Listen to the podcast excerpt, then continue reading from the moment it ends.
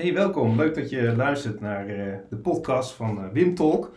Uh, alweer de vierde aflevering volgens mij, Wim, over het boek van Richard de Roor. Hoofdstuk 3, hè? Ja, hoofdstuk 3. Nou, ja. een heel interessant hoofdstuk, maar ik hoop dat jullie het ook vinden. Daar, gaan we wel achter komen. Ja, het begint wel weer met een, een spannende titel. geopenbaard in ons als ons. En dan hebben we het natuurlijk over Christus. En ja, de Jezusfiguur die we in het boek tegenkomt als de grote universele Christus. En Roor start volgens mij dit hoofdstuk met uh, het verhaal van de bekering van Saulus naar Paulus. Ja. En hij stelt ook dat dit eigenlijk, hij noemt dat het archetypische spirituele patroon. En, en hij bedoelt er eigenlijk mee dat je, ja, dat je dacht dat je wist hoe het zat en naar de herkenning komt van hoe het eigenlijk zit. Kun jij een beetje beschrijven hoe dat volgens Roor werkt, eh, Wim? En waarom hij uh, eigenlijk stelt dat Paulus zijn eigen ware identiteit daarmee ontdekt met die, um, ja, die archetypische spirituele verandering. Ja, ja, ja Roor, je merkt wel, Roor is een echte mysticus, een Franciscaan. Dus dit soort termen, dan worden wij uh, als uh, protestanten, vanuit de protestantse traditie, soms een beetje zenuwachtig van. Maar ik denk wat hij ermee bedoelt, is, uh, je ziet bij die bekering van, van Paulus, dan zie je een soort, ja, een soort paradigmaverandering. Een soort, Paulus gaat plotseling het licht zien. Er staat zelfs letterlijk in handeling 19 dat hij een licht zag. Uh, en dan zegt er een stem: Saulus, Saulus, waarom vervolg je mij? Ik ben Jezus die jij vervolgt. Ja, wat is dan de verandering van paradigma bij Paulus? Nou ja, hij dacht dat hij aan Gods kant stond door de christenen te vervolgen. En wat doet Jezus dan? Die, die, die stem, die ver, zich met de vervolgde. Uh, dus met andere woorden, ja, dat licht wat hij ziet en die stem die hij hoort, uh, dat zijn de vervolgden die daar aan het woord zijn in de persoon van, van Jezus. En dat is voor hem een soort ontwaken. Hij denkt van ja, ik sta aan Gods kant, ik, ik ben de goede dingen aan het doen. En plotseling krijgt hij, komt er een licht en, en zegt Jezus, ja maar wacht even, je bent mij aan het vervolgen. En, en ja, Roor zegt dan, ja, Paulus ontwaakt eigenlijk en, en zijn hele visie op God wordt anders. Het, het wordt ook wel de bekering van Paulus genoemd. En in plaats van dat hij uh, uh, als orthodoxe Jood de Fariseeërs gehoorzaamt en die nieuwe secte gaat vervolgen, wordt hij later een apostel van de heidenen, wordt hij een, een apostel van de volkeren. Dus hij wordt de vertegenwoordiger van die mensen die hij eerst dacht te moeten vervolgen. Een complete omkering van het perspectief eigenlijk bij Paulus. De, degene die die vervolgt, die gaat hij dus nu eigenlijk uh, helpen en uh, ja, gaat hij aan hun kant staan, zeg maar, van de vervolgde die die eerst zelf oppakt en uh, ja, bij de fariseeërs bracht. Ja, en misschien gaat het nog wel dieper, dat hij het perspectief krijgt van ja, maar wacht even, je moet kijken vanuit de vervolgde. Hmm. En, en daar waar mensen vervolgd worden, daar is Jezus. En, maar hij zegt, ja, maar daar is de Christus. Dus hij krijgt een soort nieuw perspectief op wie God ten diepste is in je innerlijk. En dat noemt hij de Christus. Hij, hij heeft het ook over een mysterie wat hem geopenbaard wordt. Misschien is het leuk om, om even Efeze 3 erbij te pakken, waar hij het over dat mysterie heeft. Dan heeft hij het eigenlijk over die ervaring die hij daar heeft in uh, het derde hoofdstuk van Efeze. Even kijken, hier heb ik uh, de vertaling de Nadense Bijbel, daar staat wel heel mooi in.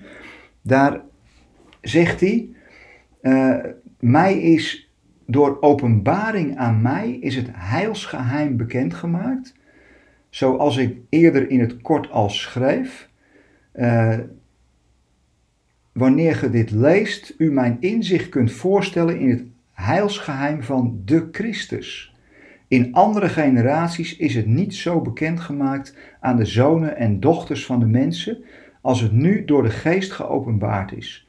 Aan zijn heilige apostelen en profeten dat de heidenvolkeren mede-erfgenamen zijn, mede-lichamen en mede-deel hebben aan de aankondiging in Christus. Dus hij heeft het over, en daar is hij helemaal lyrisch over, hij heeft het over de Christus. En die Christus heeft zich verbonden met Jezus. En in Jezus verbonden met het Joodse volk. Maar die heidenvolkeren hebben hun rechtstreeks lijntje met de Christus. Dus daarom zijn ze ook mede-erfgenamen geworden van de beloften die vroeger al uh, aan het Joodse volk gegeven waren. Nou, en daar is hij helemaal lyrisch over. Dat hij die ontdekking heeft gedaan van de Christus. En hoe, want uh, gebruikt dit aan het begin van zijn hoofdstuk over uh, geopenbaard in ons als ons. Hoe, hoe, moeten we dat dan daarmee verbinden? Want uh, Paulus praat dus over dat God zijn zoon in hem heeft geopenbaard. En je zou denken uit dit verhaal, nee, het is aan hem geopenbaard. Hè? Er kwam een licht uit de hemel, hij is bekeerd, dus er kwam iets op hem af. Terwijl Paulus zegt, nee, het gebeurde eigenlijk in mij. Ja, ja dat is uh, die, die introspectie waar, waar, waar Roor het over heeft. ja, ik denk, dit is min of meer een soort samengaan van die twee. Zo voel ik dat een beetje. Mm -hmm. Kijk, uh, er overkwam hem iets.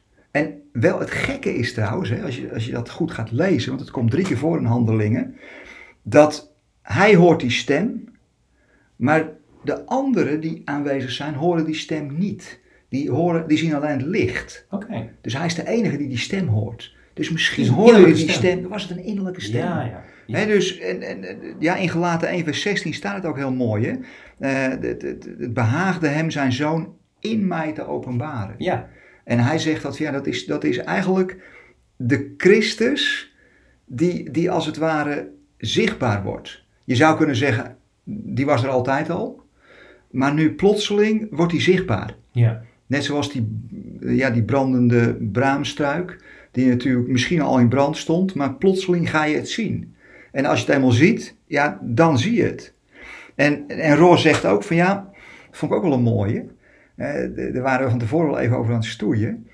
Van ja, pas als het in je geopenbaard is, als je het innerlijk gaat zien, dan pas kun je het ook uiterlijk gaan zien. Ja. Je, je zou kunnen zeggen, je gaat met andere ogen kijken naar de werkelijkheid. Hij is er zelfs heel uh, stevig in, vind ik. Want Roor noemt dat een soort lakmoesproef voor echt geloof. Uh, hij noemt het een soort test uh, waaraan je kan zien dat je dus echt authentiek geloof hebt. En um, hij baseert het op, op 2 Korinthe, 2 Korinthe 13. Kun je iets vertellen over die test en, en waarom Roor dit... hij noemt het ook radicale incarna incarnatie volgens mij. Hè? Dat, dat, een stukje wat uh, we net tegenkwamen. Misschien eerst even kijken naar 2 Korinthe 13. Wat Zal ik hem eens even bijpakken? Ja. Even kijken hoor, 2 Korinthe 13. Ja, het leuke is, kijk, als wij denken aan uh, wat is nou echt geloof, dan zijn wij al, uh, al vrij snel aan het kijken van ja, wat, wat geloof je nou precies en wat is je definitie dan en welke dogma's hang je aan. Ja. Nou, Roor kiest een hele andere kant. Uh, min of meer de kant van een profeet zou je bijna kunnen zeggen. Hè? Want uh, dat is trouwens wat, wat Jezus natuurlijk ook deed. Hè? Kijk, uh, heel veel rabbies, die citeerden vooral andere rabbies. En, en zo kwamen ze aan hun autoriteit. En, en Jezus zegt vaak, er is u gezegd dat, maar ik zeg u, en dan komt hij met een radicaal eigen standpunt. En dat is soms het enge van een profeet. Hmm. En dat zie je bij Paulus ook. Paulus ja. citeert zelden andere apostelen, maar hij zegt, door openbaring heb ik... Uh, en hij verklaart zichzelf ook als apostel. Uh, dus ja, dan, dan ben je ofwel inderdaad een apostel, ofwel je bent een ongelooflijke narcist ja. en je denkt van jezelf van alles en nog wat. He, dus dat is, dat is wel een spannende. Ja. Uh, dat maakt profeten altijd een beetje ongrijpbaar. daarom kunnen mensen ook altijd lastig tegen profeten, in het Oude Testament ook. Hè. Profeten die zijn zelden geliefd door machthebbers. Uh, even kijken hoor, dat is het gedeelte uit 2 Korinthe 13. Ik pak hem er even bij. Vers 5. Vers 5. Stel uzelf op de proef of ge in het geloof zijt. Toets jezelf. Of herkent ge niet aan uzelf dat Jezus Christus in u is. Dus herken je dat die Christus in je is. Zo niet, dan doorsta je de toets niet. Dat is wel heel bijzonder. Ja, ja. Dus herken je dat, die, dat de Christus in je is. Uh, ja, en anders blijft het allemaal uiterlijke godsdienst. Ja, en het is ook vooral een herkennen dat hij al in je is. Hè? Dus, dus het gaat er niet over dat je hem uitnodigt om in jou te komen, of, of, maar dat je dus uh, ontdekt dat hij er al is. En dat hij al in je is. Ja. Dat is wat, waar Roor zo de nadruk op legt. Ja. Uh, als een ontdekking. En dat, dan haalt hij dus het verhaal van Paulus aan om te laten zien hoe dat werkt in de praktijk. Nou, en wat ik wel heel mooi vind, hè, want dit wordt natuurlijk een beetje vaag. Ja. Je denkt van ja, maar de, Christus in je, hoe, hoe, werkt dat dan en hoe herken je dat dan? Maar hij koppelt dat heel mooi eh, aan, aan Romeinen 2, waar het gaat over eh, dat, dat heidenen die de wet niet hebben, Mhm. de Torah niet hebben, die wet van naturen eigenlijk in zich hebben. Dus je, zou kunnen zeggen, eh, er is een soort natuurlijke wet. Eh, je, je kunt het geweten noemen, je kunt het ziel noemen, je kunt het het onbewuste noemen. Eh, hoe je het ook noemt hè, in, in modern taalgebruik. Maar er is een soort natuurlijke wet die in ons hart geschreven staat. En, en, en ja, dat is misschien wel de Christus. Want vergis je niet, de Christus, even terug, dat is de Logos, dat is de geest die eigenlijk overal in werkzaam is. Eh, in hem, door hem en tot hem zijn alle dingen. Daar hebben we het al eerder over gehad. Ja. Nou, en dat is in je binnenste geschreven. En het moment dat je, dat, dat je daar connectie mee gaat maken, op het moment dat je dat gaat zien, dat je daar in dialoog mee gaat, dat hoort eigenlijk bij mens zijn. Je, Mhm. je innerlijke dialoog zou je kunnen noemen. Eh, op het moment dat je dat gaat zien, dat je, dat je een soort in dat perspectief gaat leven, ja, dan heb je de Christus gezien. Eh, Ja. en, en vandaar dat hij ook tegen die Atheners kan zeggen, eh, op de Areopagus of, vlak daarvoor, eh, van ja, maar wacht even, jullie vereren de onbekende God. Eh, je hebt er nog geen woorden voor, je hebt er nog geen gedachten bij, maar je, je, het, het zit in je. Je aanbidt die onbekende God zonder dat je dat zelf in de gaten hebt. Je hebt een ontmoeting gehad met de Christus zonder dat je dat bewust bent. En dan gaat het over die innerlijke mentale dialoog die je net noemde. Die natuurlijke wet die in ons hart geschreven staat. Ja, en ik geloof dat Paulus daar ook op teruggeeft op Jeremia, hè? wat jij net zegt over dat, dat het al geschreven is op je hart. Zeg maar, dat, dat, dat, dat stukje wat ehm, eh, de profeet Jeremia ook aanhaalt. Ja. Ehm, wat zou je, ja, zou je dan zeggen, ehm, kijk, je hebt net aangegeven van ja, God moet zichzelf zeg maar eerst in jou openbaren voordat hij zichzelf volledig aan je kan openbaren. Dus het begint van binnen. Wij denken altijd dat het eigenlijk andersom gaat. Wij denken van ja, God moet zich aan je openbaren. Je moet een soort ervaring, net zoals Paulus, die ervaring. Maar eh, nu wordt eigenlijk die voorbeeld wordt er gebruikt voor een innerlijke openbaring. Dus ik ben een beetje, ik ben een beetje zoekend van hoe kan het nou dat je, wat voor mij altijd heel erg duidelijk een, een, godswonder was, van ja, Paulus was heel erg verkeerd bezig en ik, eh, hij moest stilgezet worden en er moest een licht uit de hemel komen om hem te stoppen. En pas toen, hè, eerst drie dagen in duisternis en toen werd hij een beetje veranderd en toen kwam hij tot het inzicht dat hij fout bezig was. En toen heeft hij zich bekeerd. Terwijl we hoorden dit eigenlijk gebruikt als een soort innerlijke openbaring. Ja, maar is dat voor jou een scheiding, innerlijk, innerlijk en uiterlijke openbaring? Nou, ik snap wel dat, je, ehm, dat natuurlijk van binnen eerst gebeurt. Je kan natuurlijk alleen maar van overtuigd worden als je in gesprek gaat met jezelf. En van, ja, wat ben ik eigenlijk aan het doen? En, en waar geloof ik eigenlijk in? Dus ik snap wel dat het eh, van binnen veel moet gebeuren voordat je eh, ja, er ook naar kan gaan leven. Maar ik vond het zo bijzonder dat hij zegt ja, dat het eerst in jou geopenbaard wordt voordat hij zichzelf volledig aan je kan openbaren. Ik, hoe zie jij dat dan? Nou ja, ik zie het een beetje als een soort wisselwerking. Kijk, eh, op het moment dat wij een gesprek hebben, Mhm. wij zijn elkaar nu aan het ontmoeten, hebben lekker koffie erbij gedronken, en gezellig, maar dan gebeurt er ook iets innerlijk. Hè, dus op het moment, ik bedoel, voortdurend word je, eh, word je als het wa- ware, komen er allerlei hints naar je toe. Eh, de, in, de natuur, in, in allerlei mooie dingen die je ziet. in, in, nou ja, van alles en nog wat. Het, het komt op je af. En op een gegeven moment komt er een soort innerlijk ontwaken. Hmm. Maar dat wordt vaak wel getriggerd door een ontmoeting. Of, of eh, door een mooi muziekstuk wat je hoort. Of door een, een prachtige vogel die je in het bos ziet vliegen. Ja, noem maar op. Ja. Eh, en, en dan komt, en dan is er een soort trigger. Dus ik zie die trigger, die is bij Paulus ook extern. ja. En, en dan, dan komt er een soort innerlijke ontwaken.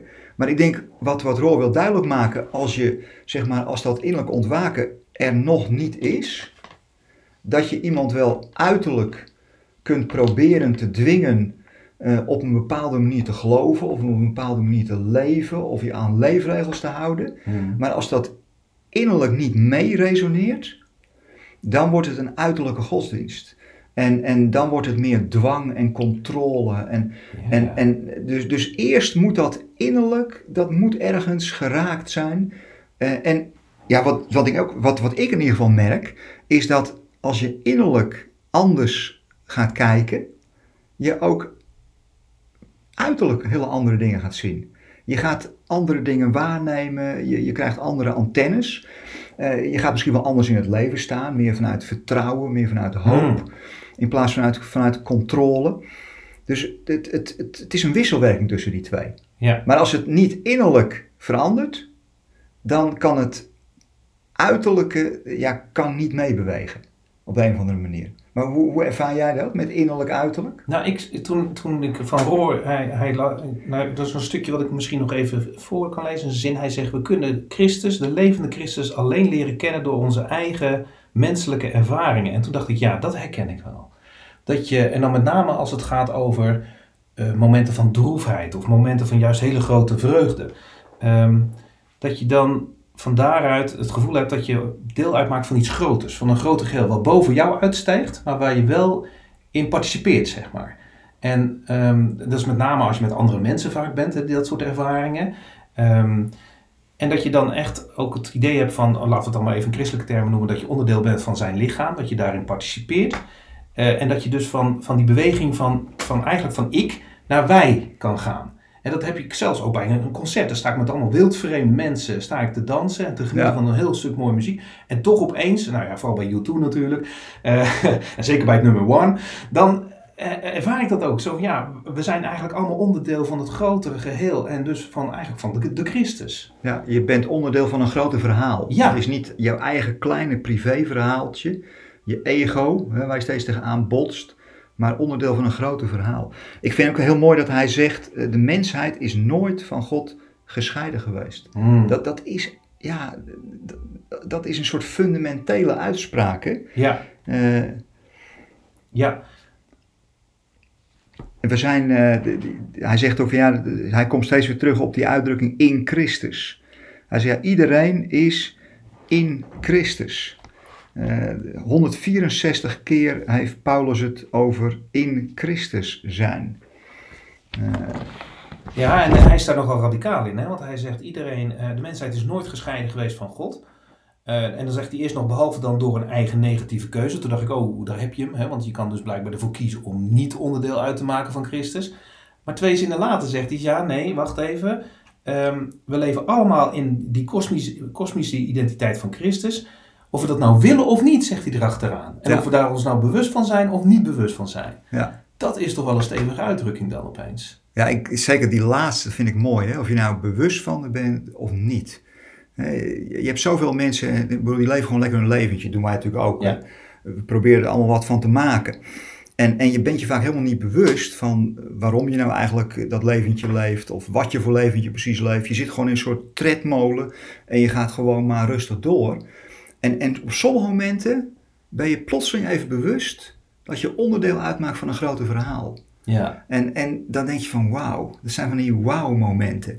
Maar ik denk ja, inderdaad, eh, de, de keuzes die je maakt, die, die kunnen eh, soms eh, scheiding brengen met het goede en, en, en met waarheid en, en met liefde. Je kunt keuzes maken die je in die zin niet zozeer op een zijspoor brengen, want dat kan niet. Mhm. Maar die wel een soort scheiding vanuit jouzelf veroorzaken met de Christus. Eh, je kunt natuurlijk, eh, de- de- Paulus zegt ergens anders, of in het Evangelie staat ergens anders, als je eigen hart je veroordeelt. Mhm. Eh, nou ja, dan veroordeelt eigenlijk die innerlijke Christus veroordeelt jou, want je weet donders goed dat je foute keuzes aan het maken bent. Ja. Dat je mensen aan het beschadigen bent, of, of nou ja, wat dan ook. Dat weet je innerlijk. Ja. Dus je gaat innerlijk in tegen, die, tegen de Christus in je. Ja. En, en dat, dat is denk ik wat Roor daar misschien wel aanroert. En, maar dan staat er ook weer, weet dan dat als je eigen hart je veroordeelt, God groter is dan jouw hart. Ja. Dus met andere woorden, je blijft onderdeel van het grote verhaal. Je blijft onderdeel van de Christus. Eh, de- de- Christus is alles in allen, zelfs alles in alles. Colossense 3 vers 11 voor de meelezers onder ons. Dus daar blijf je onder, maar je kunt je wel tijdelijk daarvan, als het ware, distancieren. In gedachten. In gedachten en door de keuzes die je maakt. Ja. Maar zelfs de keuzes die je maakt, zelfs de scheiding die je zelf aanbrengt, breng je aan in Christus. Ja. Dus daarmee gaat de waarheid verandert niet. De waarheid blijft wat die is. Christus is wat er is. Ja, Maar jij eh, kiest ervoor om je ogen dicht te doen en het niet te zien. En, en er niet naar te willen leven. ja. Het, het lijkt een beetje op die mooie psalm, daar hadden we het van tevoren al even over. Dat, ja, ik vind dat prachtig. Dat de dwaas zegt in zijn hart, er is geen God. Ja. Maar ja, de woorden, die komen van God. De adem waarmee hij dat kan zeggen, komt van God. En zijn hart wordt gevormd, zijn innerlijke dialoog, door Christus. Ja. En God schept de mogelijkheid voor hem om te zeggen, je bestaat niet. Nou, dat, ik, vind dat zo, ik vind dat humor. Dat is toch humor? Dat is mooi. En je noemde het die innerlijke dialoog. En wat ik me daar nog bij af zat te vragen, wat is voor jou zeg maar, de relatie met bidden en die innerlijke dialoog? Zie je daar een verband van wat bidden eigenlijk is? Ja, ik denk eigenlijk dat dat die innerlijke dialoog is. Hè, als Paulus op een gegeven moment zegt bid zonder ophouden, Ja. dan is het eigenlijk, ja, sta in contact met die innerlijke dialoog, met die, met die wet die in je binnenste geschreven is, met de Christus. Her- Herken jij dat voor in je eigen leven? Hoe, hoe bid jij? Eh, Herken je iets van die innerlijke dialoog in combinatie met bidden? Ja, ik, ik bid eigenlijk heel weinig bewust. Dus als ik bid bewust, is het altijd kort. Ja, voor het eten. Voor het eh, eten, de- de- soms even, eh, ja, als er eh, dingen dreigen fout te lopen, zo'n schietgebedje. Ja. Maar ergens, zeker als je gewoon lekker op de fiets zit of hè, je hebt even de tijd om je gedachten uit te laten waaien, ja, dan, dan ben je wel voortdurend over als er nog wat dwalen je gedachten rond en vorm je weer gedachten met die gedachten. Ik weet niet, is this making sense? Eh, en en dan, dan ben je in een soort innerlijke dialoog voortdurend wel bezig. Een soort Ja. reflectie zou je kunnen zeggen. Ja. En, en soms ben je ook ten veel te hard voor jezelf. Hè, dat is natuurlijk altijd weer, ja, waardoor laat je je voeden? Eh, ik, ik denk, ja, het is een genadig universum. Dus ja, we maken er allemaal een potje van. Hè, en we zijn daar wat op aan het reflecteren. Ja. En, en dan, ja, dan is dat eigen hart van je soms al een beetje te hard. Maar dat maakt niet uit. Eh, en dan die innerlijke dialoog voert je steeds weer een stapje verder. Ja, dat is Ja. wel een belangrijk punt. Ik denk ook dat daarom hoofdstuk 3 hier naar hoofdstuk 2 komt. Dat is natuurlijk altijd zo. Maar als we even terugkijken naar hoofdstuk 2, dan ging het over dat je kan accepteren dat je al volledig geaccepteerd bent.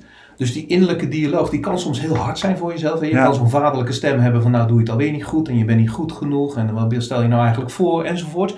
Maar dat is natuurlijk wel, ehm, als je eerst vanuit genade ook naar jezelf kan kijken, vanuit die volledige acceptatie, dan zou je natuurlijk ook inderdaad in hoofdstuk 3 kunnen zeggen: oké, die innerlijke dialoog is ook wel genadig voor jezelf. Je kan ook met compassie naar jezelf kijken, zeg maar. Ja. Even eh, de, de kleine Peter op schoot nemen als hij boos is, om het zo maar te zeggen. En, en dat zit natuurlijk, dat is het hart van, van de Torah. Hè?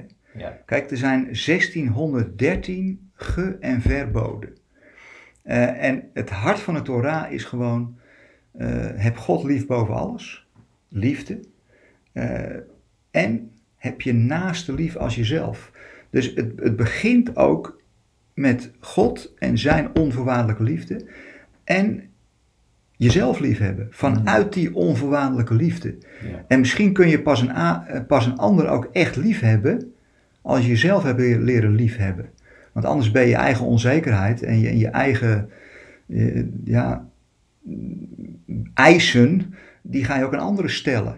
Ja. Dan wordt het altijd voorwaardelijk. Ik vind jou wel aardig als je, en, en- en dan komt het. Ja. Dus het begint met het liefhebben van jezelf. Eigenlijk het je volledig aanvaard weten eh, in dat mooie, grote, goddelijke, liefdevolle verhaal ja. van de Christus. En ook zo fijn dat het, eh, om te weten dat dat dan boven jou uitstijgt. Hè? Dus dat het niet iets exclusief is dat jij al aanvaard bent en de rest nog niet. Nee, alles is al aanvaard door God. God zit al in alles, dus ook in jou. En dat maakt het, dat perspectiefwisseling is echt heel belangrijk volgens mij. In ieder geval voor mij altijd zo geweest dat het veel makkelijker is om te geloven dat je geaccepteerd bent. Als alle anderen ook al geaccepteerd zijn, ja, waarom jij dan niet? Ja. En dus dat is denk ik ook, ehm, ook voor de toekomst, en dat zegt Roor trouwens ook, hè, dat, dat in Christus zijn, dat alles al in Christus is, dat dat cruciaal is voor de toekomst van het christendom. Eh, want hij denkt dat het christendom nog juist heel erg gevangen zit in wat je net noemde, dat, dat super individuele idee van redding. Dat je je best moet doen en dat je dan eh, je ticket kan krijgen. Ehm, en hij zegt dat is dus eigenlijk uiteindelijk helemaal niet iets wat op redding lijkt, zelfs wat we met elkaar als christenheid eh, zo voorstellen. Kun jij, kun jij de, ja, mijn eerste vraag is eigenlijk, deel je die mening? Dat dat super belangrijk is voor de toekomst van ons christen zijn. Eh, dat, dat hele verhaal van in Christus zijn. Ja, ja dat, dat deel ik wel. Kijk, ik denk uh, als je kijkt naar dat, dat die nadruk op het individu en op individuele verlossing. Kijk, dan krijg je al heel snel jij wel en ik niet. En mijn groep, mijn kerk, ja, die, zit, die heeft de waarheid en andere kerken niet. Nou ja, denk aan de eeuwenlange strijd tussen katholieken en protestanten. Nou ja, je moet er soms maar niet al te veel van afweten, want je wordt er niet vrolijk van. Mm Ze slaan elkaar letterlijk de hersens in en je komt op brandstapels terecht. En dat zijn uiterste consequenties, maar die uiterste consequenties hebben we wel honderdduizenden keren uitgevoerd in de geschiedenis. En die voeren we mentaal nog steeds uit. Want mentaal zijn we nog steeds anderen op de brandstapel aan het zetten. En anderen aan het uitsluiten. De maat nemen. En de maat nemen. En ik denk, ja, als je niet boven dat individuele uitstijgt en een groter verhaal vindt, een collectief verhaal vindt wat ons allemaal verbindt. Ja. Ik zou bijna zeggen, wat je ook gelooft. En waar je de grenzen ook hebt, waar je de piketpaaltjes ook hebt staan. Ja, dan, dan blijft er altijd een soort, een soort strijd. dan, uh, dan, dan ben je geïnteresseerd in de, de, de superioriteit van je eigen club. Uh, of van je eigen groep. Of nationalisme van je eigen natie maar dan ben je niet wezenlijk geïnteresseerd in het grote verhaal. Om, mm -hmm. Roor noemt geloof ik de heelheid van de schepping. Ja, daar ben je helemaal niet in geïnteresseerd. je, je, je bent min of meer met je persoonlijke verlossing bezig. En, je ziet ook vaak, als het om persoonlijke verlossing gaat, ja, dan wordt het heel belangrijk, wat geloof ik precies? Geloof ik de juiste dingen? Uh, de, de, leef ik daar wel goed na? Uh, want ja, het, is wel, het gaat wel om jouw ticket naar de hemel. en dan, op die manier neem je anderen ook de maat. Ja, ik, ik verbaas me wel een klein beetje dat Roor dat ook... Hij geeft eigenlijk ook een standje aan ons. Want hij zegt um, dat we de wereld en de realiteit eigenlijk niet meer serieus nemen. Als we zo gefocust zijn op onze individuele redding... Ja, dan maakt het eigenlijk niet zo uit dat de, de aarde vervuilt en dat er uh, grote problemen zijn. Um, hoe, hoe, hoe, zie jij dat? Vind je dat ook? Dat dat een consequentie is van um, dat gefocust op je eigen individuele heil? Ja, kijk, zo ben ik zelf een beetje geestelijk opgevoed. Ik, ik, ik ging op een gegeven moment een beetje geloven, zeg ik het maar. Innerlijke stem ging een beetje een rol spelen. En uh, ik kwam uh, in, in Doorn terecht, evangelische bijbelschool. Nou, dat zat erg nog, uh, als het gaat om dogmatische visie, in de zogenaamde bedelingenleer. Hmm. Als je niet weet wat het is, geeft helemaal niks. Je mist ook niet heel erg veel aan. Nou, nu zijn we weer een paar honderd luisteraars kwijt. Maar in ieder geval, ja, die bedelingenleer zegt eigenlijk, ja, wij als christenen hebben een hemelse roeping. We worden straks opgenomen voordat de ellende begint op aarde. En dan gaat de aarde, de wereld, door een periode heen van, van allerlei ellende. Uh, maar wij zitten dan in de hemel. Nou ja, wat leerde ik als jongere? Die aarde, dat is aards. Daar gaat het niet om. Ook je lichaam, de, de, oefening van het lichaam baart tot weinig nut. Dus ook dat lichaam, dat is allemaal aards. Daar gaat het allemaal niet om. Want wij zijn hemelburgers. En uh, ja, die, die aarde, daar moet je helemaal niet druk om maken. Je moet je om het geestelijk leven druk maken. Ja. En uh, ja, je ziet natuurlijk in de geschiedenis dat, dat christenen nou niet uitblinken in milieubewustzijn. En niet uitblinken in zorg voor de aarde. Dat, dat wordt al snel gezien als uh, van die linkse hippies. De, de, wij maken er ons niet zo, want wij we gaan voor de hemel. Mm -hmm. En we zijn die notie helemaal kwijt. Uh, ja, dat heel de schepping in Christus is. En dat dit een uiting is van Christus eigenlijk. en en ja, als, als, de, als de hele schepping heilig is het is heilige grond waarop je loopt. Dan ga, dan ga je toch niet vervuilen? Nee. Dat, dat, dan, ben je dus, dan ga je eigenlijk tegen de Christus in. Dan ga je tegen je eigen innerlijk geweten in als je dat doet. Dus kennelijk heb je dat zo dichtgestopt door je, door je theologie. Ja. Dat je totaal niet meer relevant bent voor deze wereld. Dat je totaal niet relevant bent voor de heelheid van de schepping. Want je bent op weg naar een escape. Ja. En uh, ja, op een gegeven moment zegt hij dan ook: hè, Ik vrees dat wij christenen de wereld niet serieus genomen hebben. Ja, nee, we hebben het totaal niet serieus genomen. Want zeiden, wij zijn niet, wij zijn niet van deze wereld. Nee. Eh, we zijn een soort aliens. Eh, omdat ons beeld van God of van verlossing het universum eh, niet heeft ingesloten of geëerd. Vond ik een hele mooie. En dan, ja, en dat zien we natuurlijk gebeuren, we noemen het secularisatie. En ik vrees dat de wereld ons nu ook niet meer serieus neemt. Ja, en, en wat is dan onze reactie als kerk? We noemen het herkerken. Eh, we moeten weer serieus genomen worden. Dus we gaan onze dogma's nog hipper maken. Eh, en, Onze diensten nog leuker. nog leuker maken. We gaan het allemaal opleuken. Maar als, je, als de inhoud niet wezenlijk anders wordt, eh, dan verandert het natuurlijk helemaal niks. En dan worden we nog lachwekkender uiteindelijk. Oké, maar wat is dan de, de grote perspectiefwisseling die we nodig hebben in onze kerk, in ons geloof? Want daar komt Roor nu ook op dat punt. Hij noemt het dat paradigma shift. Hij zegt de grote perspectiefwisseling die we nodig hebben. Wat is dat volgens Roor? Nou kijk, hij zegt natuurlijk, hè, zonder een gedeeld en groot verhaal. Ja, we leven niet meer in de tijd van de grote verhalen, maar we hebben een nieuw groot verhaal nodig. Ja. Je merkt het ook in de politiek. eh, Ja. waar, waar het eigenlijk, nou ja, ik zou zeggen, eh, wat we eeuwenlang in de kerk hebben gedaan, dat hebben we nu geïmporteerd in de politiek. Het is partijpolitiek, het is loopgravenoorlog, het is elkaar afhakken, elkaar de maat nemen. ja, en het Eh, grote verhaal is een rode olifant, of een roze olifant geworden. Hè? Er ja. is geen groot verhaal nee, meer. Nee. Dus hij zegt, zonder gedeeld en groot verhaal trekken we ons terug in ons individualisme. Eh, en dan gaat het om persoonlijke rust, dan gaat het om reinheid en regelmaat. Eh, ja, en wat is dan die paradigmaverschuiving? Nou, hij zegt, eh, eerst hebben we de paradigmaverschuiving gezien van Jodendom naar Christendom. Eh, ja, dat vind ik, eh, misschien is dat mijn, mijn achtergrond, maar ik denk van oké, dat is wel een paradigmaverschuiving, maar het is ook een stuk continuïteit. Ja.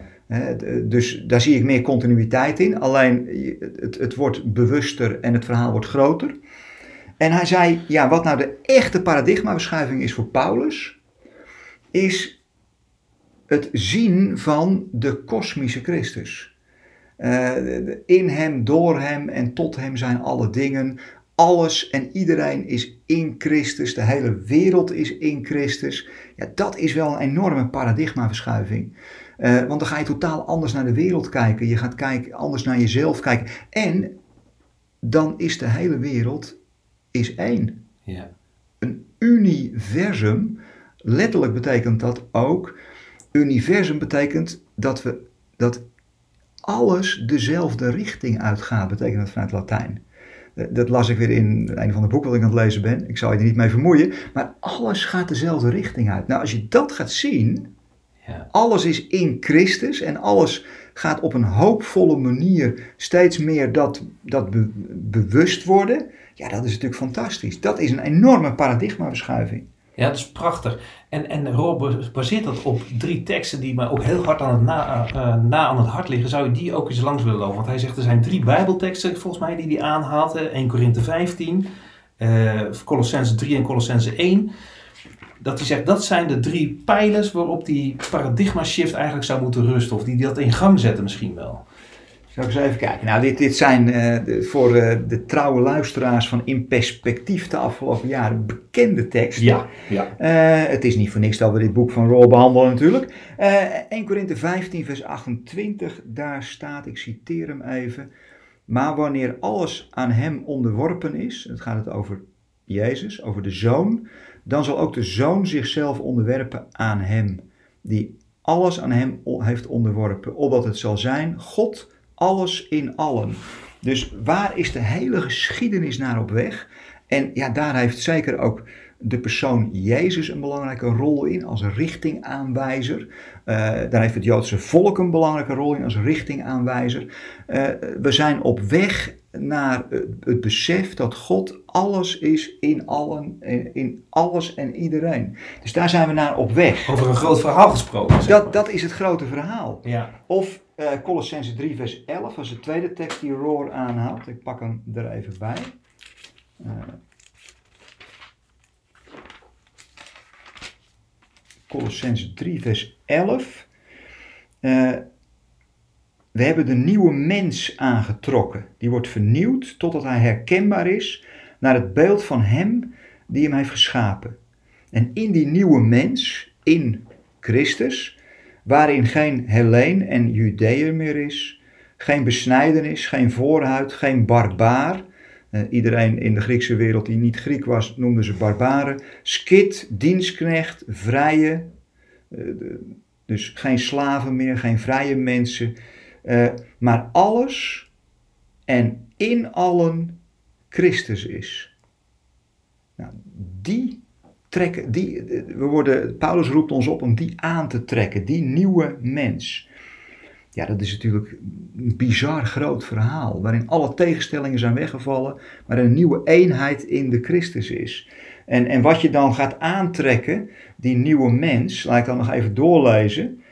Eh, een barmhartig innerlijk, goede tierenheid, nederigheid, zachtmoedigheid en geduld. Allemaal dingen die voorkomen uit die innerlijke dialoog. En die natuurlijk allemaal al in ons geplant zijn. Ja.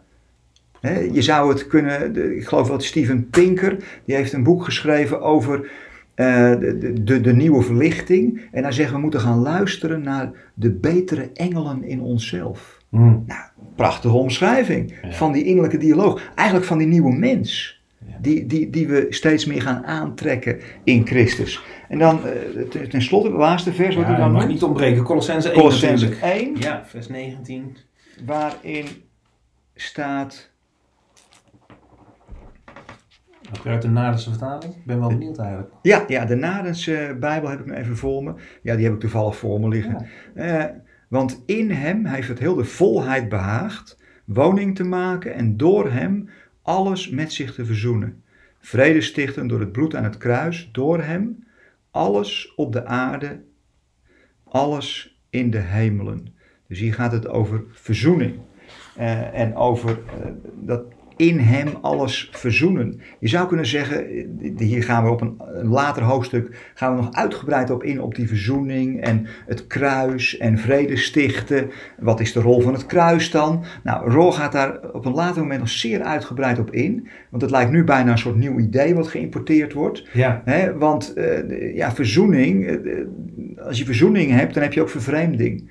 En daar hebben we het al even kort hebben we dat aangestipt. Met je door de keuzes die je maakt, eh, dat je jezelf als het ware kunt afscheiden van. Dat je voor jezelf een scheidsmuur kan opbouwen. Ja. En, en nou daar heeft dat kruis natuurlijk een rol in. Daar heeft die verzoening een rol in. Eh, maar daar komen we later nog uitgebreid eh, Ja, daar op terug. ik werd natuurlijk heel blij Ja. toen ik dit las. Toen dacht ik, nou weet je, die Roor, die, welkom bij de club, dacht ik. Eh de christelijke universalisme, dacht ik. Die man die snapt het helemaal. Die heeft, heeft hetzelfde perspectief als in perspectief. En wat zegt hij dan? Dit is natuurlijk geen universalisme, zegt hij dan. Toen dacht ik, hè? Hoe, zou je het dan noemen? Ja, dat is een goeie. Daar hebben we natuurlijk al even mee gestoeid van waarom noemt hij dit nou geen universalisme? Ik dacht eerst, dacht ik, dit is eh, om zichzelf een beetje in te dekken. Hmm, dat is wantrouwen, hè? Da- da- daarom. Dus, dat was mijn, wel mijn eerste gedachte. Dus Snap ik, ik. eh, Maar toen Eh, kwam die innerlijke dialoog pas goed op gang. En wat dacht je toen? toen kwam die innerlijke dialoog op gang. Toen dacht ik van ja, weet je, waarom? Waarom moet je jezelf indekken? Hmm. Eh, dan, eh, stap over je eigen schaduw heen. Hij dekt zich helemaal niet in met dit Hij dekt zich Dus, totaal nee. niet in. Dan is het een zinloze zin, want dan heeft hij de strijd al lang verloren. Ja. Eh, nee, ik denk dat het veel verder is. Kijk, universalisme als dogma, dan ga je weer piketpaaltjes zetten. Dan ga je weer grenzen stellen. Dan ga je weer zeggen van wacht even, dit is onze visie. Zo moet je het zien en Ja. zo moet je die tekst interpreteren. Dus, met, dus zelfs als met een universalistische bril op de Bijbel lezen, als je het dogmatisch gaat doen, stap je weer in de valkuil. Jij wel, jij ziet het wel, jij ziet het niet. Wij hebben de juiste theologie en we gaan strijden tegen mensen met een andere theologie. Voor je het weet heb je weer een en voor je het hebt, heb je weer een exclusieve club. En als je daar nog verder doorgaat en je komt aan de macht, misschien ga je dan zelfs weer brandstapels neerzetten voor mensen die het niet zien. Want ja, die menselijks is ons vreemd. Nee, ja, het, het kan weer een soort superioriteitsgevoel Ja. gaan opleveren. Ja. En om, heel eerlijk te zijn, daar zijn we gevoelig voor. Ja. Ook als in perspectief zijn we daar best wel gevoelig voor. Van ja jongens, wij zien het toch mooi wel en jullie niet. Ja, dan zie je dus nog helemaal niks. Nee. Hè, als ik Roor goed begrijp. Dus ja, universalisme, nee, het, het gaat veel verder. Het, het, het is de eenheid in Christus. Ja, daar blijft hij op wijzen, hè? die kosmische Christus. Hij zegt, daar gaat het om. Het gaat dus niet over een, een, een, een naampje of een labeltje, maar het gaat elke keer over die, die universele Christus. Wat ik daar zo heel mooi vind, is dat hij op een gegeven moment zegt, ook weer uh, zo'n citaat, Jezus kan een hele groep of religie bij elkaar houden. Christus kan alles bij elkaar houden. Hij doet dit al, alleen wij zijn degene die daar ons tegen verzetten. Ja, dat vond ik prachtig.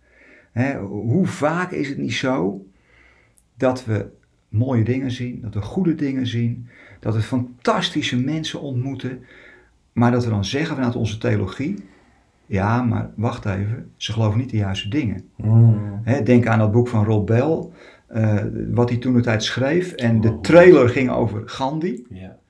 Uh, ja, maar ja, Gandhi, ja, die komt niet in de hemel, die geloofde niet de juiste Dat had dingen. iemand op een post-it erop Ja. geschreven. Ja. Eh, Pas geleden sprak ik ergens, ik zal even niet zeggen waarom, want dan kan die persoon met wie ik deze discussie had dat precies traceren. Kan niet toch wel als hij het luistert. Maar ik had een mooie discussie met iemand en die zei, ja maar wacht even Wim, wat jij nu zegt lijkt bijna alverzoening. Ja. Toen zei ik, bijna. Eh, maar in ieder geval, nee, dat, dat dacht ik. Dat zei mijn innerlijke dialoog, zei dat. Maar in ieder geval, eh, hij zei, want hij zei, het is toch heel simpel. Of je gelooft in Jezus en je gaat naar de hemel. Mhm. De Bijbel is daar toch zonneklaar over. Mhm. Of je gelooft niet en je gaat voor altijd verloren. Hij zei, wat wou je daar tegen inbrengen dan? Hij had het innerlijk licht gezien, zei hij, en dit was nu het verhaal wat hij overal, wat hij overal vertelde. Ja. Ik zei, nou, hoe zie jij dat dan? Eh, en toen zei ik, oké, zei ik, maar in jouw visie dan, hè? Stel je nou eens voor, daar kwam die, dat Hitler, Doe me maar. laten we maar gelijk goed beginnen, dat Hitler zich twee minuten voor zijn dood bekeerd heeft. Die heeft jou ontmoet en jij hebt me het evangelie nog eens even goed uitgelegd. En hij zegt, je hebt gelijk, Ja, dan ik is- bekeer me. Ja. Ik zeg, wat gebeurt er dan met Hitler? ja, die is dan in de hemel. Zo zijn de letters van de wet. Nou, dat zei hij. Hij zei, ja, die is in de hemel. Ik zeg, maar net toevallig, andere afslag genomen, jij kwam Gandhi niet tegen. Mhm. En die heeft, dus, die heeft zich niet bekeerd. Ik zeg, hoe gaat dat dan met Gandhi? Ja, zei deze beste man, ja, die zit dan in de hel. Maar, zei hij wel, hij zal wel minder slagen krijgen. Ik zei, nou, dat is mooi meegenomen dan. Maar hij blijft wel in die belabberde situatie. Ja, ja, daar kwam hij nooit meer uit. Ik zeg dus, in jouw visie op Christus, op God, jouw visie op het evangelie, is dat straks Adolf Hitler zwaait vanuit de hemel naar Gandhi die pijn lijdt in de hel. Nog even een duimpje opsteken misschien. Ik zei, hoe zie jij dat dan? Nou, toen werd het wel heel erg stil even.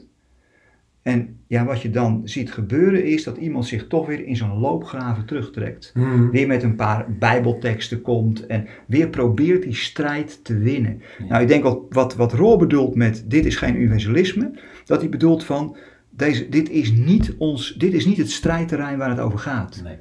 Hè, natuurlijk kom je dan in verleiding om weer andere teksten te citeren en om te proberen te winnen van zijn argumenten. Ja. Maar als iemand dat innerlijk licht, die openbaring van de Christus in hem, van dat mededogen, van die barmhartigheid, van die onvoorwaardelijke liefde, van die heelheid van alles in iedereen en in Christus zijn, als je dat nog niet gezien hebt, dan ben je een uiterlijke wedstrijd aan het spelen, zelfs als het absurd wordt.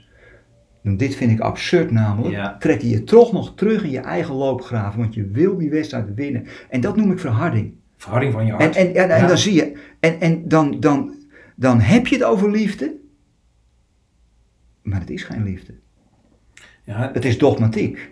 En jij hebt het nu over het individuele, maar ik zie dat Roor ook zegt, ehm, en nou, een van zijn mooie uitspraken vind ik dat ehm, hij denkt dat we over enkele generaties terug gaan kijken naar die eerste 2000 jaar christendom en dat we dan zullen zeggen, toen stond het christendom nog in de kinderschoenen. Het is nog baby Christianity, noemt hij het zelfs in een podcast.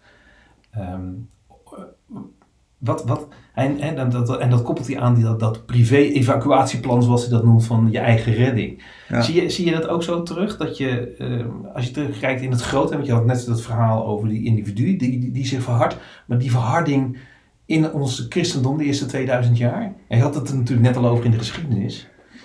Ja, het is, eigenlijk een vrij dramatisch verhaal natuurlijk. eh, in die eerste 2000 jaar. Het is heel imperiaal geweest. Dus het christendom heeft zich altijd vermengd met macht. Je zou kunnen zeggen, het is een zegen dat we nu zo machteloos zijn geworden.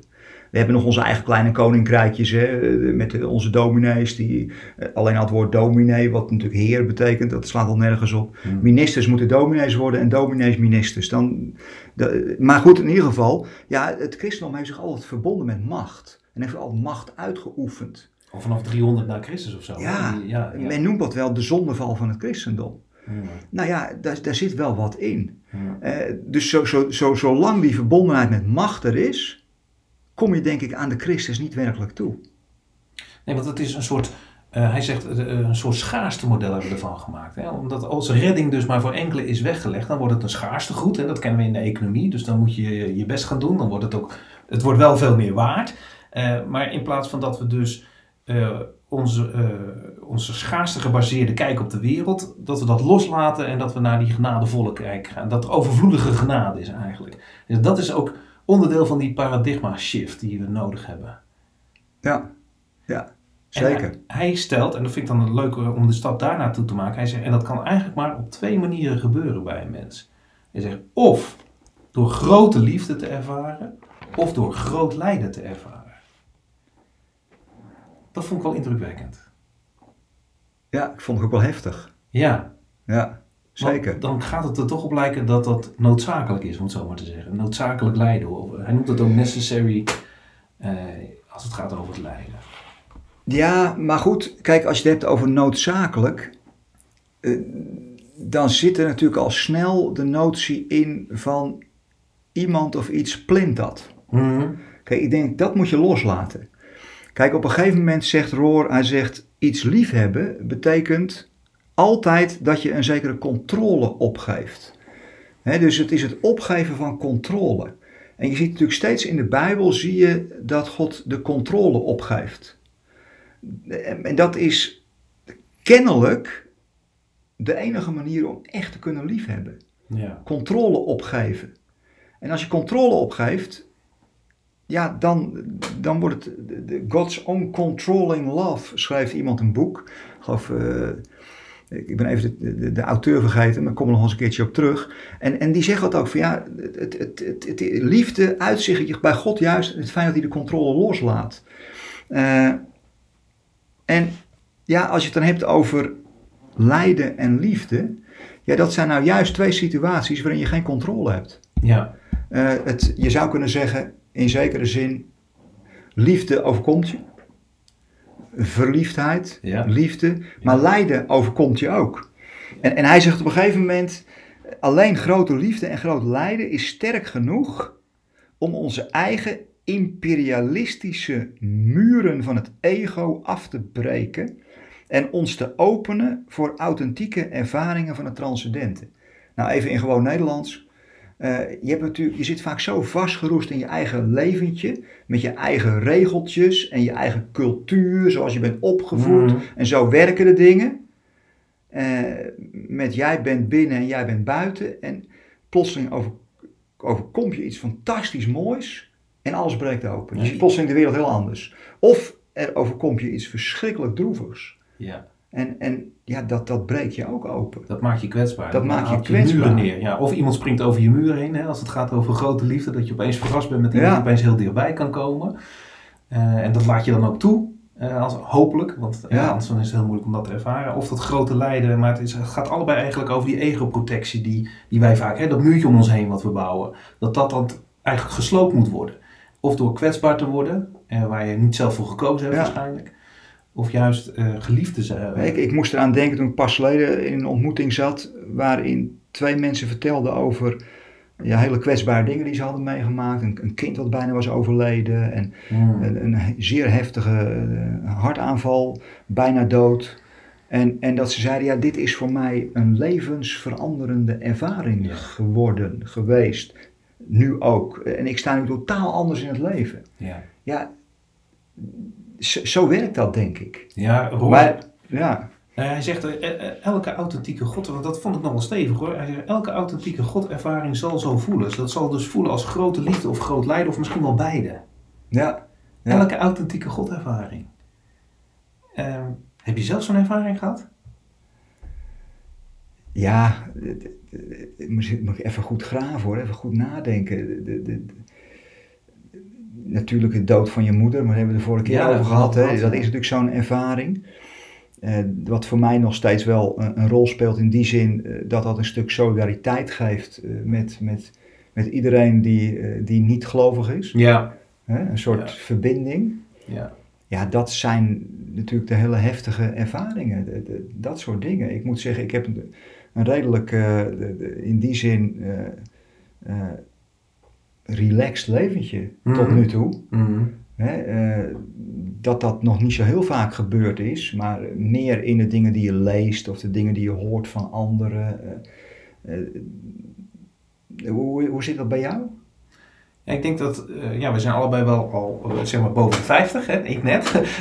Ja. en dan maak je wat dingen mee in je leven. Ik denk wel dat dat ook helpt om vanuit die kwetsbaarheid te kunnen blijven eh, opereren, om het zo maar te zeggen. Dus eh, te handelen. Ik, ik merk het nu dat ik voor de klas sta, merk ik dat als het eh, helemaal dreigt mis te lopen in zo'n in zo'n eh, klas, dat ik dan eerder vanuit die innerlijke dialoog ook kan kiezen voor, wacht even, ik kan nu eh, de boeman gaan worden en straffen uit gaan delen en dan ga ik het heus wel weer voor in de vingers krijgen, maar laat ik nou nog eventjes kijken of ik die, die verbinding kan leggen met die gasten. Ja. Ja, alsof of ik die grootste oproerkraaien toch nog eventjes kan laten voelen dat ik hem echt zie in, in wie die is. Want ze hebben blijkbaar juist heel erg de neiging om gezien te willen worden. Alleen dan vertonen ze gedrag bij wat juist het tegenovergestelde vaak bereikt. En, en als ik dat dan op mezelf kijk, dan denk ik van ja, ik heb ook zulke momenten in mijn leven wel gehad. Dat je vanuit, eh, nou ja, toen ik zo heel erg ziek was, hè, je, weet, je weet dat dat... Ja, daar moest ik net even aan denken. Ja, Dat- ja, dat was toen echt wel een moment dat ik dacht van oké, die kwetsbaarheid, dat je lichaam je volledig in de steek laat. Hey, voor mensen die dat niet weten, kun je daar iets over vertellen? Ja, nou, ik, het is alweer heel lang geleden natuurlijk, maar het is nu twaalf jaar geleden. Ja, er was opeens een, een auto-immuunziekte. Je weet nooit waar het vandaan komt. Je weet dus ook niet hoe je er vanaf komt. Maar ik, ik raakte halfzijdig verlamd en dat was natuurlijk, ging heel snel. Ik lag in het ziekenhuis en het, eh, dag na dag werd het eh, slechter. En op een gegeven moment komt er dan toch, eh, ja, je maakt je enorm zorgen, want niemand en, weet wie en het is. eigenlijk wisten ze ook niet wat ze moesten doen. Nee, nee, je gaat van ziekenhuis naar ziekenhuis en je gaat opschalen en dan kom je in het, in het Universitair Medisch Centrum.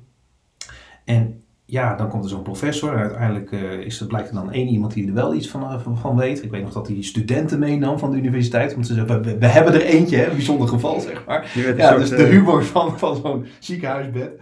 En dan, gaan de, ja, dan moet je hier naar kijken en daarna voelen. Dus er stond opeens echt wel een man of zeven om me heen te kijken naar mijn lichaam en wat is er dan precies aan de hand. Maar ik vond het ontzettend eng, want ik wist niet of het zou stoppen. Ehm, en ik lag natuurlijk ook allemaal op, op een afdeling waar meer van dat soort mensen ja, in acute situaties binnenkwamen. Mensen met ALS, ik weet niet of je die ziekte kent, dat is het gelukkig niet hoor. Maar dat is ongeveer de ergste variant van, eh, van wat je kan verzinnen. Hè. Dan, dan is eigenlijk je doodvonnis. Dan ga je met een aantal jaren zo hard achteruit dat je niks meer kan. Ehm, en ik weet wel dat dat toen een heel bijzondere ervaring was. Eh, ik lag in mijn bed, nou mijn vader kwam op bezoek. Die was natuurlijk ook ontzettend bezorgd. Ehm, Ja. En toen, die kwetsbaarheid die je dan hebt, en dat heeft waarschijnlijk ook met je, met je relatie met je ouders te maken, dat je dat dan even los kan laten. hè, Die beschermingslaag. Ja. Oké, even veilig, je vader is er.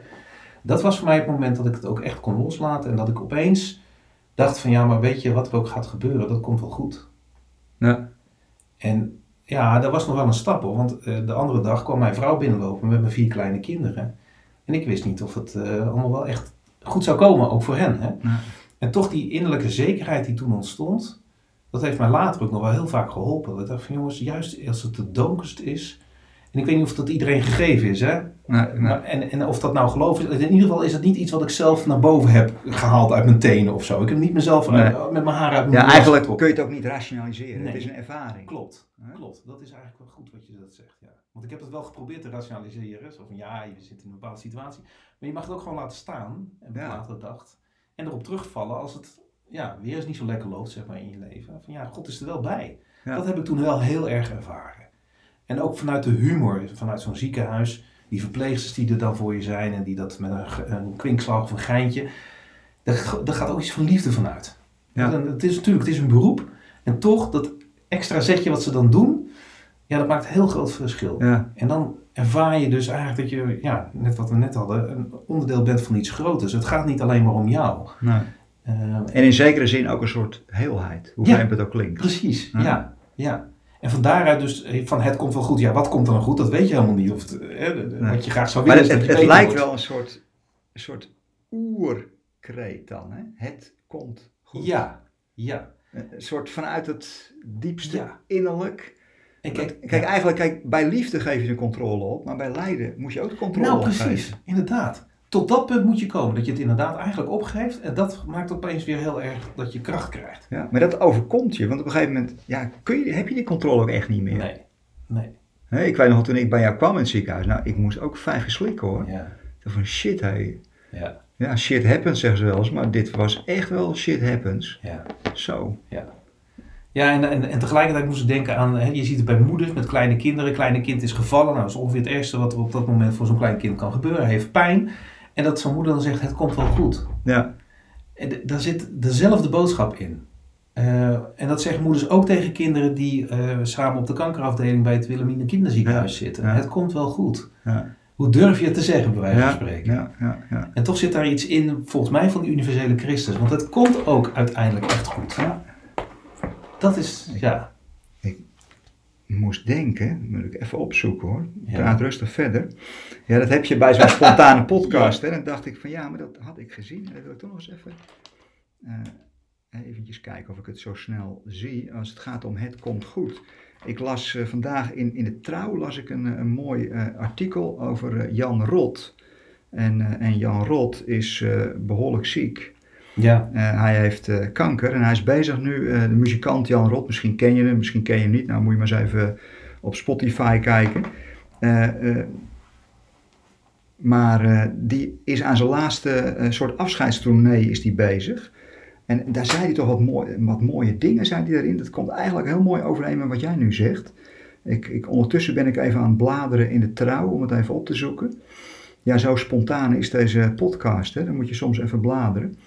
Eh, ik heb hem bijna. Nou, is misschien Ja. wel even, nog even een zin van Roor die daar dan van toepassing is. Want die zegt, eh, alleen maar omdat je misschien niet het juiste woord voor God hebt, betekent niet dat je eh, niet de juiste ervaring eh, aan het hebben bent. En dus wat we net zeiden over, als je zo'n ervaring in het ziekenhuis beschrijft, dat kun je dan, eh, als je de woorden voor hebt gekregen vanuit je opvoeding, dat kun je dan met God verbinden. Maar Ja. als je dat niet hebt, wil niet zeggen dat het niet een godservaring is. Het, het is gewoon precies hetzelfde. Ja. En daarin zit wel heel mooi die eenheid hoor. En dat zie je bij Jan Rot ook. Ik heb hem inmiddels gevonden. Ja. Eh, in, zijn, in, zijn, eh, in een orkest, wat, of in een optreden wat hij gisteren gaf, of eergisteren. Eh, even een citaat. Zo verwees Rot met een kwinkslag naar zijn naderende einde. Zoals hij wel vaker zijn ongeneeslijke ziekte even aanstipte, zonder er dramatisch over te willen doen. Door die nuchterheid werd het geen zwaarmoedige avond, maar een optreden waar de liefde voor muziek van afdroop. Dat is de Christus. Hmm. De liefde voor muziek is bij hem de Christus.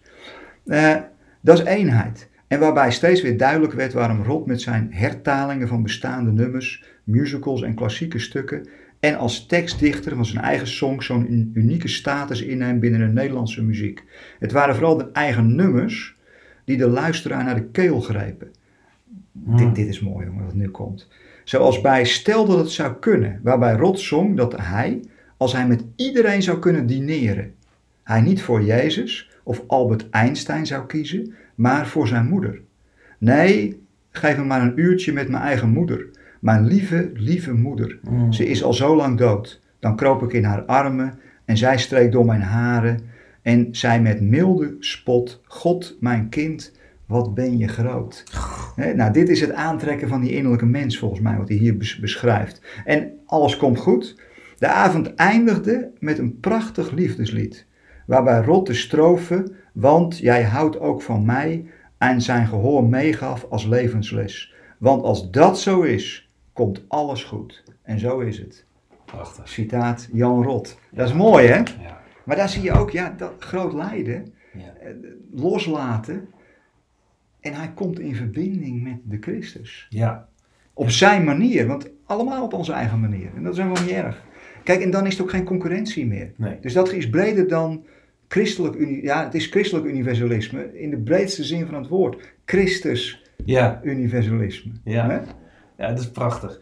Het, wat Roor zegt is dat dus ehm, de ervaring van zo'n grote liefde, zoals je net beschrijft bij Rot, of van groot lijden, dat je dat verbindt met de volledige werkelijkheid, met de echte werkelijkheid die er is. En dat is Christus.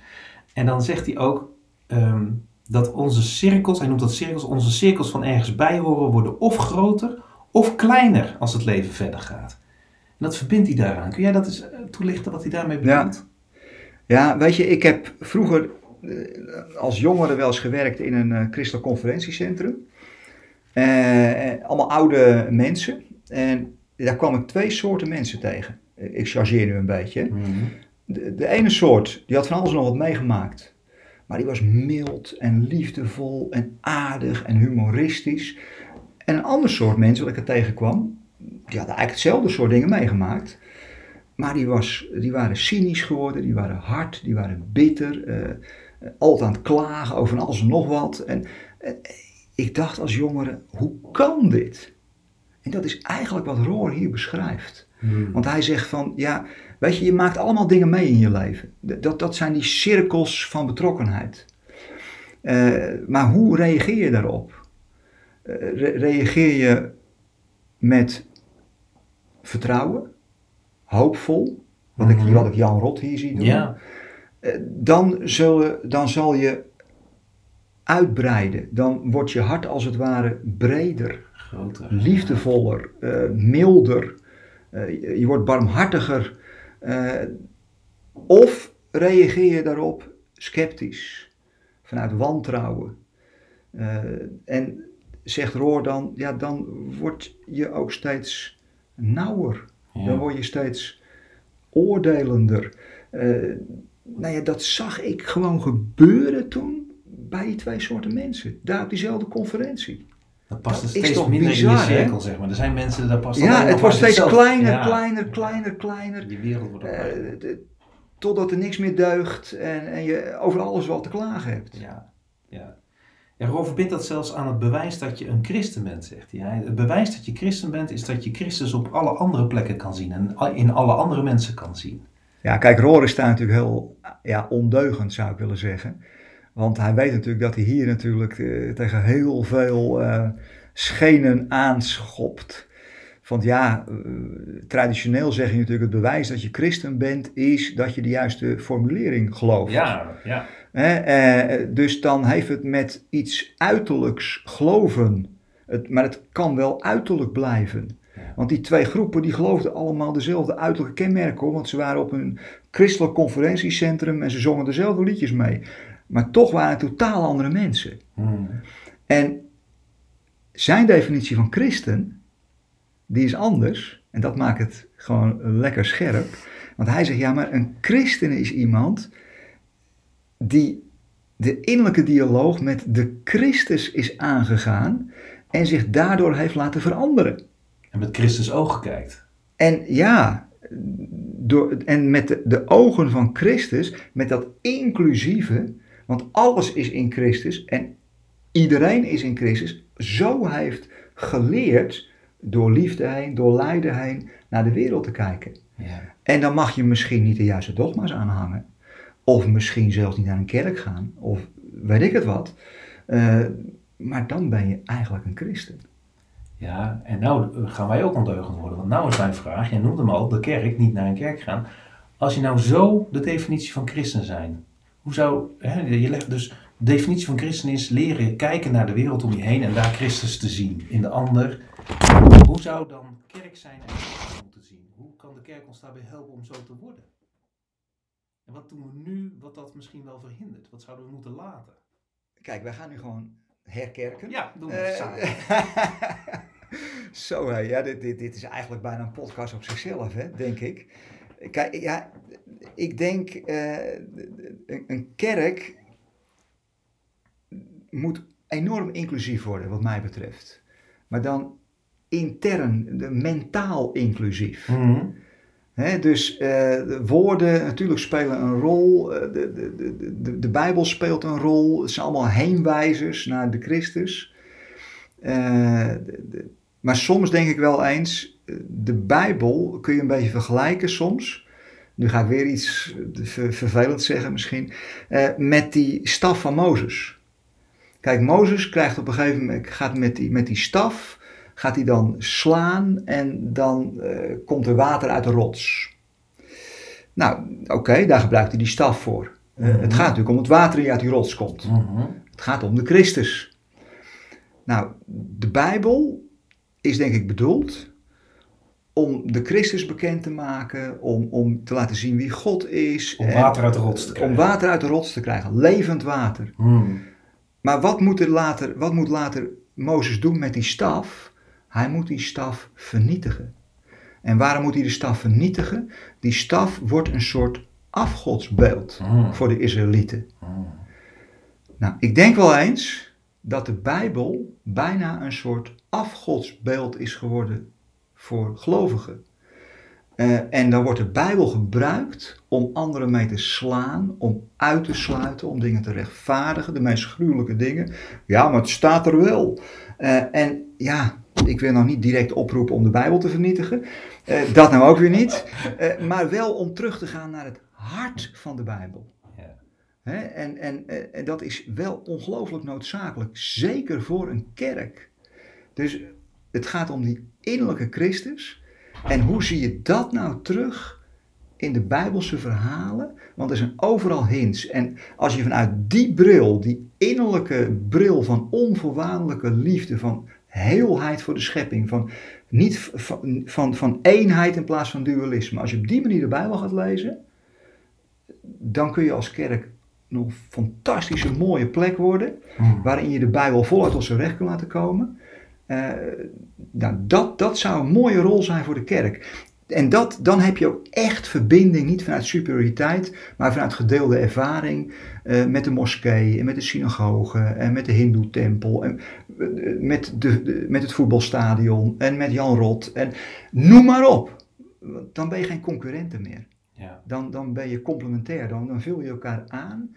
En, en, en dan zijn wij gewoon heenwijzers naar de Christus. Ja, ja prachtig. Hij, hij zegt eh, heenwijzers naar de Christus.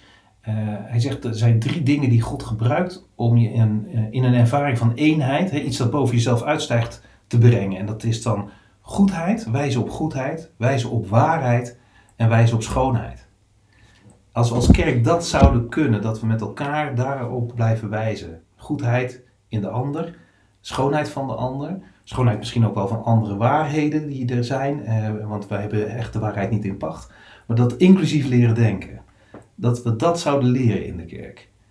Dat zou denk ik wel echt een, een perspectiefwisseling kunnen brengen. Absoluut. Ja. Ja, ja. en, en dat steeds weer terug naar het in Christus. Steeds weer terug naar, wat is dan het grote verhaal? Ja. Eh, we ervaren hier iets fantastisch moois in dit kunstwerk. Nou, wat laat ons dit weer zien van dat grote verhaal dan? Ik denk dat dat eh, gewoon hartstikke mooi is. Ja.